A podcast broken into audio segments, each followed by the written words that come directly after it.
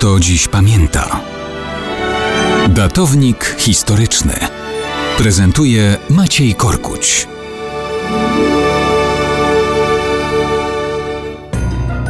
Mało kto dziś pamięta, że w końcu grudnia 1899 roku w czasie krakowskim oferowano po zniżonych cenach gorsety prosto z Pragi.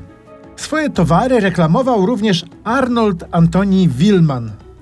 Polecał paniom i panom swój sklep w Podgórzu, a w nim, cytuję, wielki wybór pięknych podarków, jako to kasety na rękawiczki, chusteczki i kołnierze, neseserki pluszowe z przyborami, szachy, domina i przybory do preferansa, mydła perfumy, pugilaresy, etui na cygara i papierosy, paski damskie najmodniejsze, lalki, zabawki i gry towarzyskie.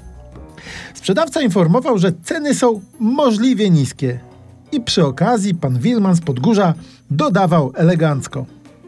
Dziękując za dotychczasowe popieranie mojego handlu, polecam takowy łaskawej pamięci i względom nadal. Od elegancja w reklamie. W innym miejscu gazety zwracał uwagę obrazek przedstawiający kobietę z włosami do samej ziemi.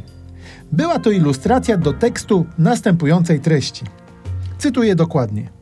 Ja, Anna Trzylak, z moimi 185 cm długimi, olbrzymimi włosami Lorelai, uzyskałam je wskutek 14-miesięcznego używania przeze mnie wynalezionej pomady, która uznaną została przez najsłynniejsze powagi jako jedyny środek przeciwko wypadaniu włosów dla wzmocnienia porostu i cebulek włosowych.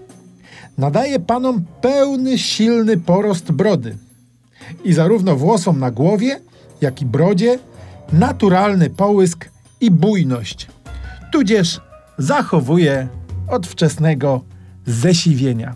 Tak więc było wszystko do wyboru, do koloru.